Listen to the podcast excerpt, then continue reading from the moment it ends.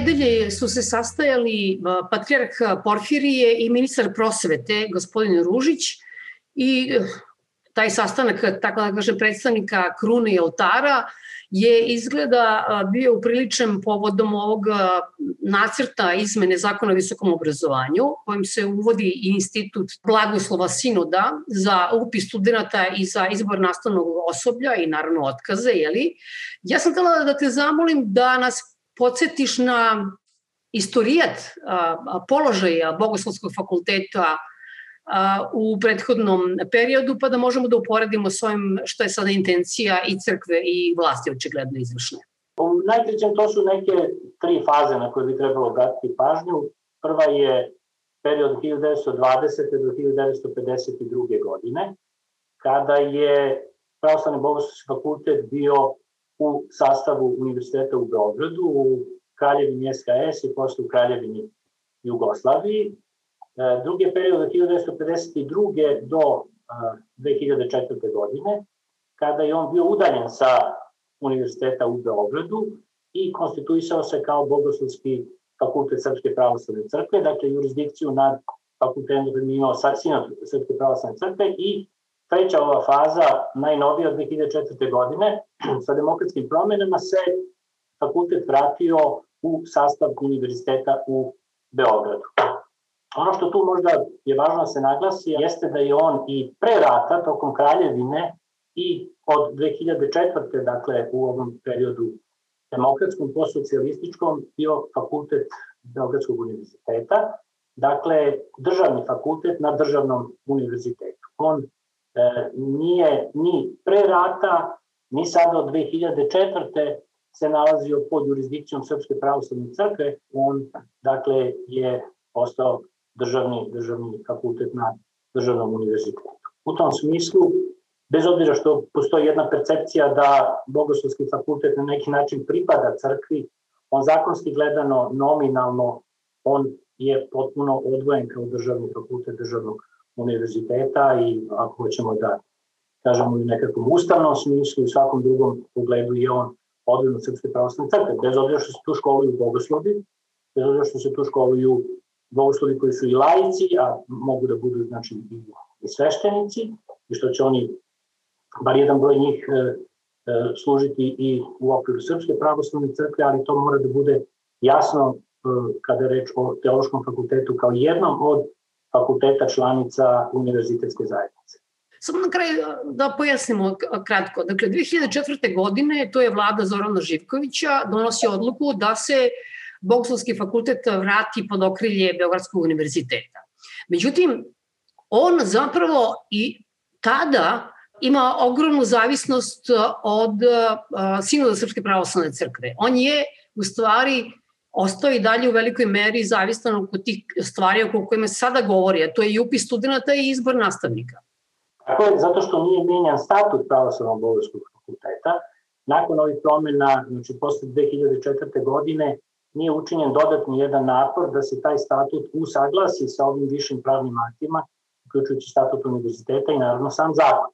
Je sad, e, nije nekih problema bilo sve do nedavno, do pre nekih godina i po dana, kada je krenulo udaljavanje, otpuštanje profesora e, PBF zbog njihovih javnih nastupa, zbog izgovorene reči u, e, u javnoj sferi koja se nije dopala pre svega članovima sinoda ovaj, crkvenog.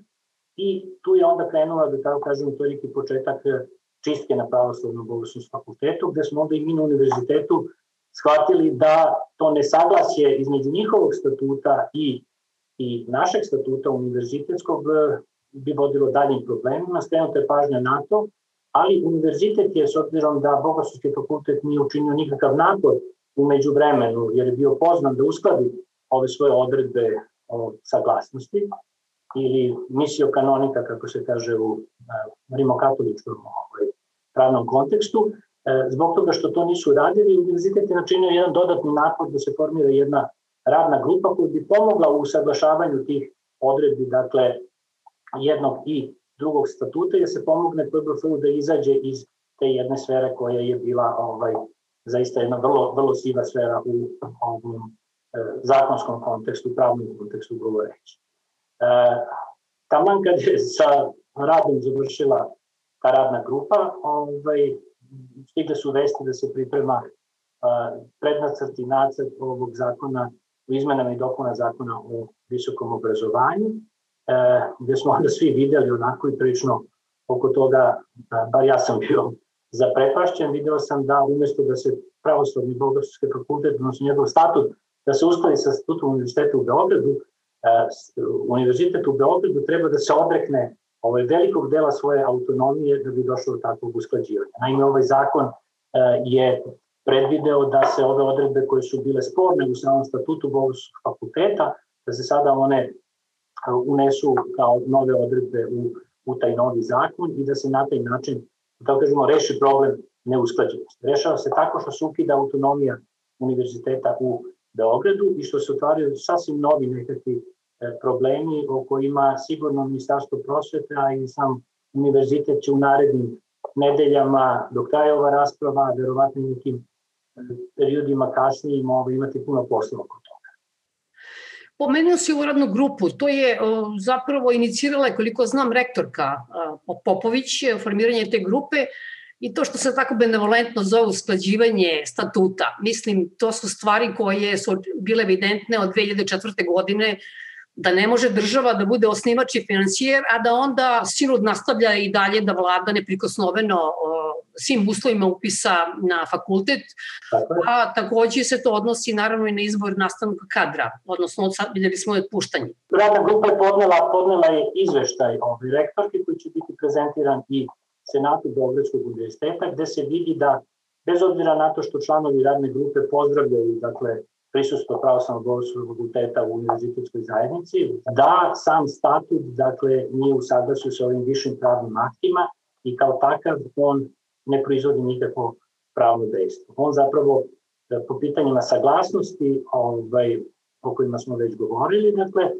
uvodi jedan institut koji je potpuno stran pravnom poredku Republike Srbije, to je taj institut misio kanonika, koji je karakterističan za zemlju koja ima rimokatolička crkva, ima izvesno utice dakle, na, na te lokalne bogoslovije, odnosno nacionalne bogoslovije, recimo u slučaju u Nemačkoj ili u Hrvatskoj, ovaj, ali potrebno je da bi se, da bi se takav jedan okvir normativni stvorio, potrebno je e, naravno potpisivanje državnog sporazuma sa Vatikanom ili konkordata da bi uopšte to moglo da se, da se stavi u nekakav pravni efekt. Mi naravno nemamo takvih konkordata, nemamo takvih sporazuma, radi se sasvim drugoj religijskoj zajednici, u Srpskoj pravoslavnoj crkvi.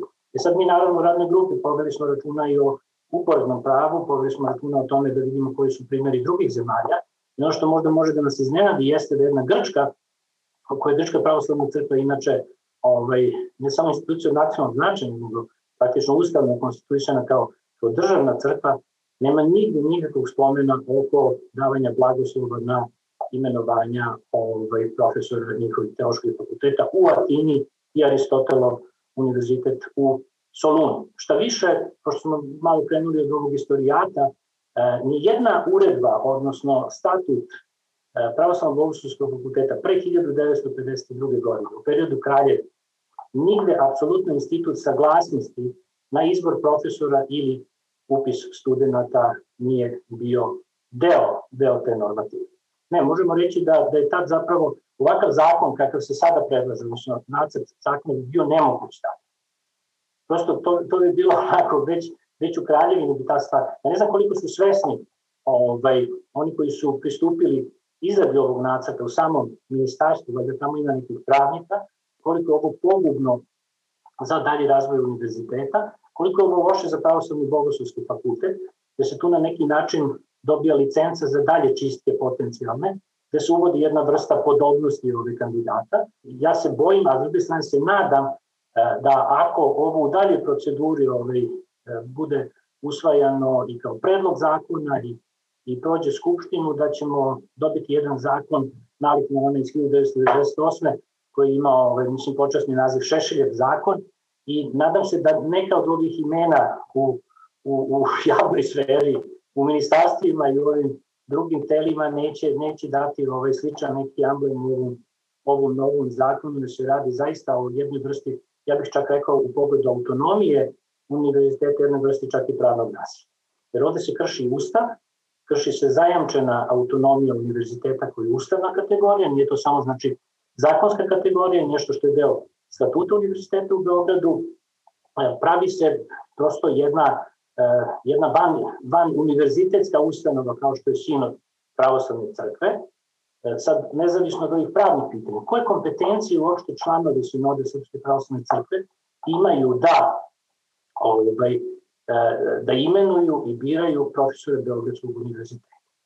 Kada najveći broj njih niti su profesori univerziteta, najčešće nemaju doktorate, moguće doći do pozicije ovaj, jereja, pa možda i arhijereja čak i bez pravoslavnog bogoslovskog fakulteta, a svakako ne ovog u Beogradu. I zamislite sada e, u svim ovim drugim slučajima izbora u zvanja i drugim fakultetima gde ovaj, profesori prolaze kroz vrlo određene egzaktne kriterijume izbora, sad imate jednu uh, van univerzitetsku instituciju gde ovaj, članovi, odnosno predsednici te institucije nemaju ni akademske kompetencije da mogu da potvrđuju neči izbor u zvanje ili da odobravaju nekakvo učešće u konkursu, zasnivanje radnog odnosa i tako dalje.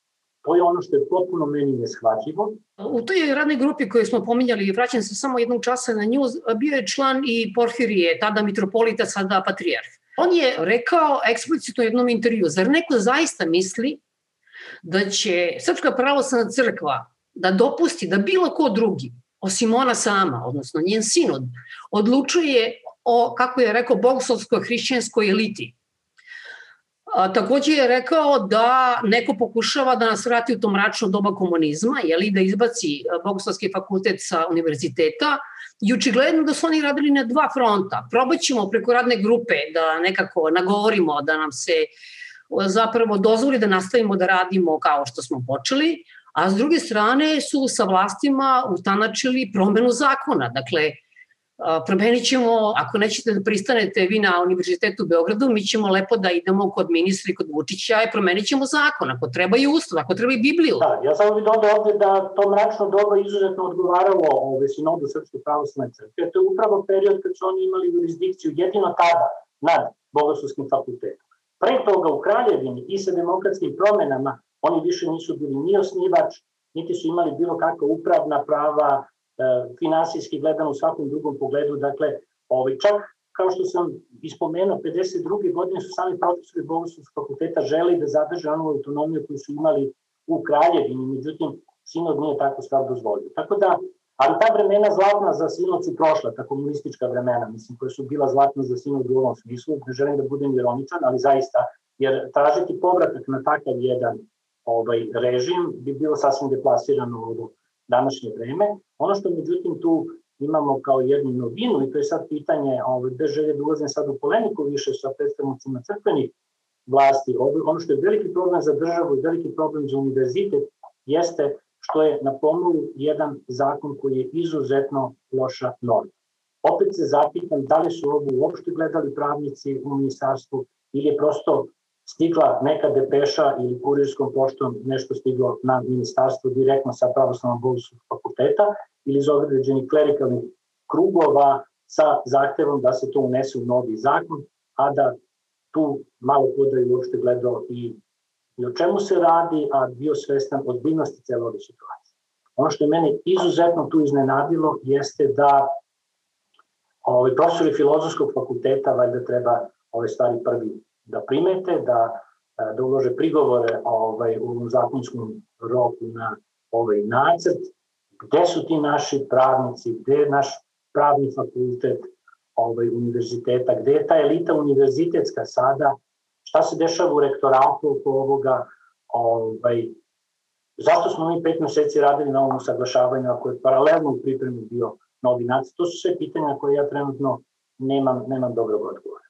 Pre dve godine rektorka je tako malo polupretiće rekla to je bilo povodom otkaza koje je dobio profesor Kubat na Bogoslovskom fakultetu, kada je rekla morat ćemo da porazgovaramo o statusu tog fakulteta u okviru Beogradskog univerziteta ovako jednoj sekularnoj državi. To je tada izgledalo kao da obećava da će zaista nešto da se učini po tom pitanju. Međutim, evo sada nemamo ni A ni B, ni iz rektorata, niti e, od bilo koga drugog ko bi bio nadležan, jer sve nas zapravo za, interesuje reakcija države, jer ne znam šta, sinod ako oni veruju da su Boži zaslanici na zemlji, što ne bi poverovali da imaju sva prava i da budu eksteritorija praktično u okviru Beogradskog univerziteta. Pazi, tu je jedan zaista, zaista ovaj paradoks u pitanju kada neko ko ima tako loš statut bude na kraju nagrađen što će se zakon o visokom obrazovanju prilagoditi tako jednom lošem statutu. Tako da udaljavanje ova tri profesora ovaj, sa Bogoslovskog fakulteta, ovaj, Vasiljevića, Bilotića i Kubata je predstavio već signal da se tu vrši jedna vrsta čistke, kako smo mi imali u ranijoj istoriji univerziteta. Ja mislim da sam univerzitet, ono moram da kažem, ja sam ja profesor tog univerziteta nije ni približno dovoljno uradio i na vreme da se neke od ovih stvari spreče i onda smo na kraju došli do ovakvog jednog zakona. E, mi sa filozofskog fakulteta trudimo se koliko možemo da pomognemo u celoj situaciji, Od nedavno je i profesor Kubac član naše fakultetske zajednice, ali ne može sve, sve, sve da samo na, na nije filozofski čutati i, i ono što se dešava unutar te jedne male, male zaista zajednice koje je samo jedan fakultet u sastavu univerziteta. Gde je ta javnost univerzitetska? Ono što dodatno začuđuje jeste i obrazloženje koje je stiglo iz Ministarstva prosvete, nauke i tehnološkog razvoja povodom ovog nacrta novog zakona, a to je ideja da je ovakva jedna izmena u, u ovom zakonskom aktu zapravo u saglasnosti sa načelom kooperativne odvojenosti crkve i države, koje oni kažu je izraženo više odluka Ustavnog suda Srbije.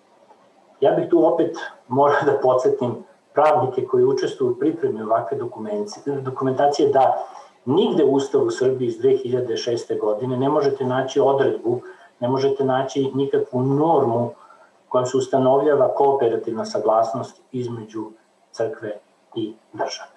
Evo kažem, kao čovjek koji nije pravnik, ovaj, usudio bih se da zaista ovaj, uputim jedan uz, izazov čak do sudija Ustavnog suda da mi nađu mesto u Ustavu ovaj, Republike Srbije gde je načelo kooperativne saglasnosti ovaj, deo nekakve norme. Naprotiv, svetovnost države to je nešto što je ugrađeno ovaj ustav, za razliku od ustava iz 1990. godine, gde bismo možda i mogli govoriti o nekim naznakama kooperativne saglasnosti, jer je predviđena materijalna pomoć države, crkvama i verskim zajednicama. Što više, ovaj, ni jedna odluka Ustavnog suda po bilo kom predmetu koji bi eventualno ovde, a pretpostavljam da, da se na to mislilo, ovaj, mogao biti uzet u obzir, recimo ispitivanje ustavnosti zakona o crkvama i verskim zajednicama, gde su inače dve trećine članova tog zakona našlo kao predmet tog prispitivanja. Nijedna odluka Ustavnog suda nije o ovoj predmetnoj materiji bila. Drugim rečima, saglasnost, saglasnost za izbor profesora Bogoslovskog fakulteta nije nikad bila tema koja je bila E, iznesena pred Ustavni sud. Tako da to je jedna potpuno irelevantna konstatacija. To je opet došlo iz nekih krugova koji su, ja bih rekao, polupravni ili polupravno pismeni, ali pozvati se, pozvati se, mislim, na nekakve potpuno abstraktne odluke Ustavnog suda, da se čak i ne kaže koje, a ja sigurno znam da nije nikad e, ova materija bila predmet ispitivanja e, pred Ustavnim sudom.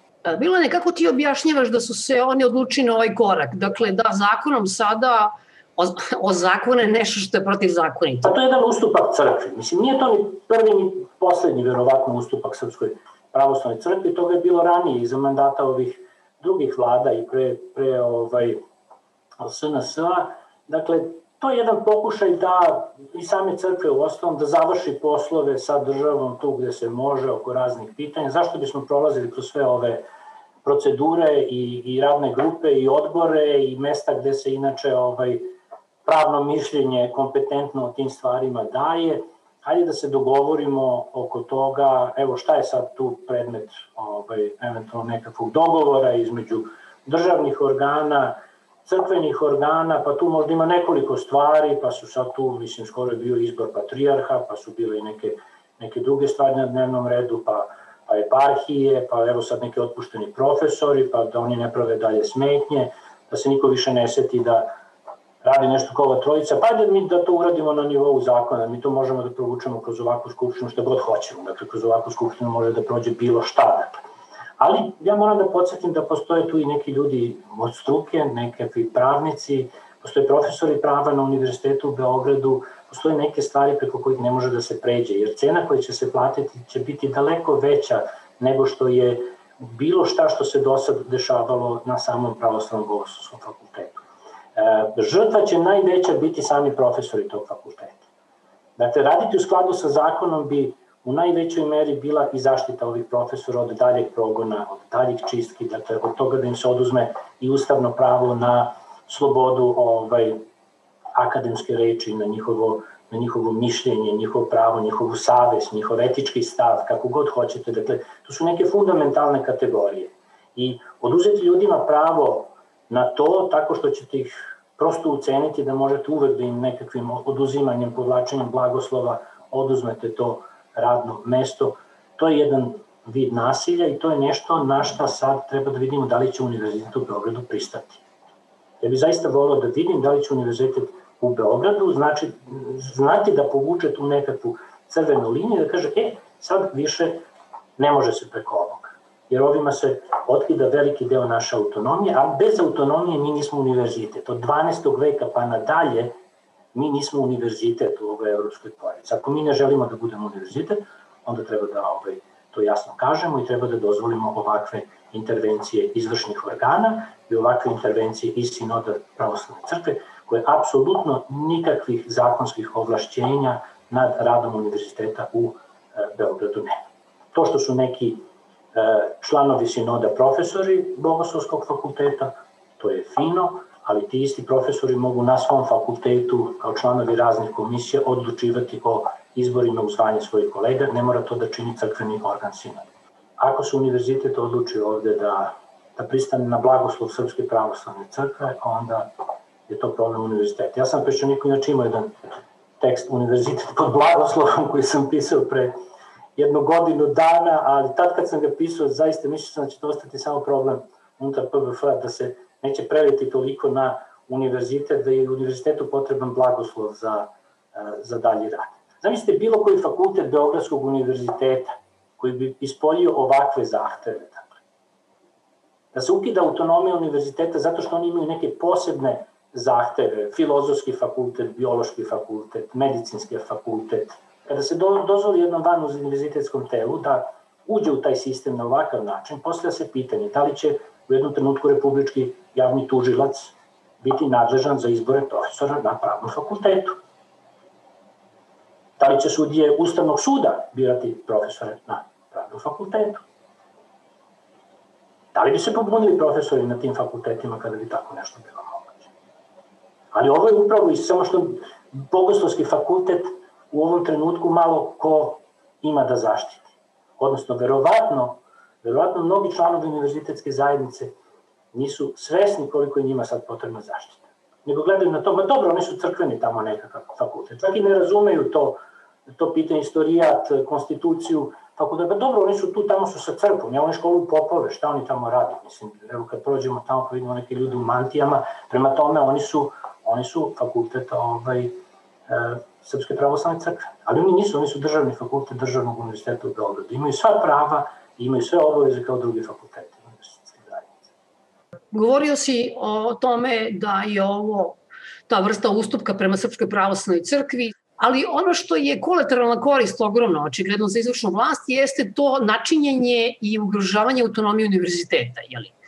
Pre dve godine su se pobunili neki uh, ljudi iz naučnih instituta jer je promenjen isto zakon po kome su članovi upravnog odbora, odnosno rukovodstva instituta praktično bili na ministarstvo. Znači, oni malo po malo oduzimaju autonomiju naučnim ustanovama i sada Beogradskom univerzitetu. To je za njih velika korist. A politički gledano to jeste uvek bila tendencija radikala i sad ovih novo radikala. Dakle, Te stvari nisu od juče. Počele su najmanju ruku 98. godine sa onim šešeljivim zakonom.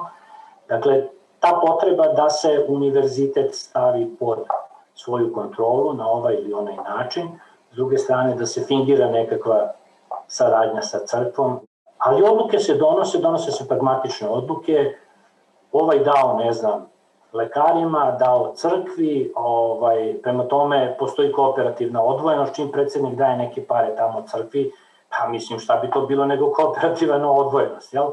Ovaj, I slične stvari.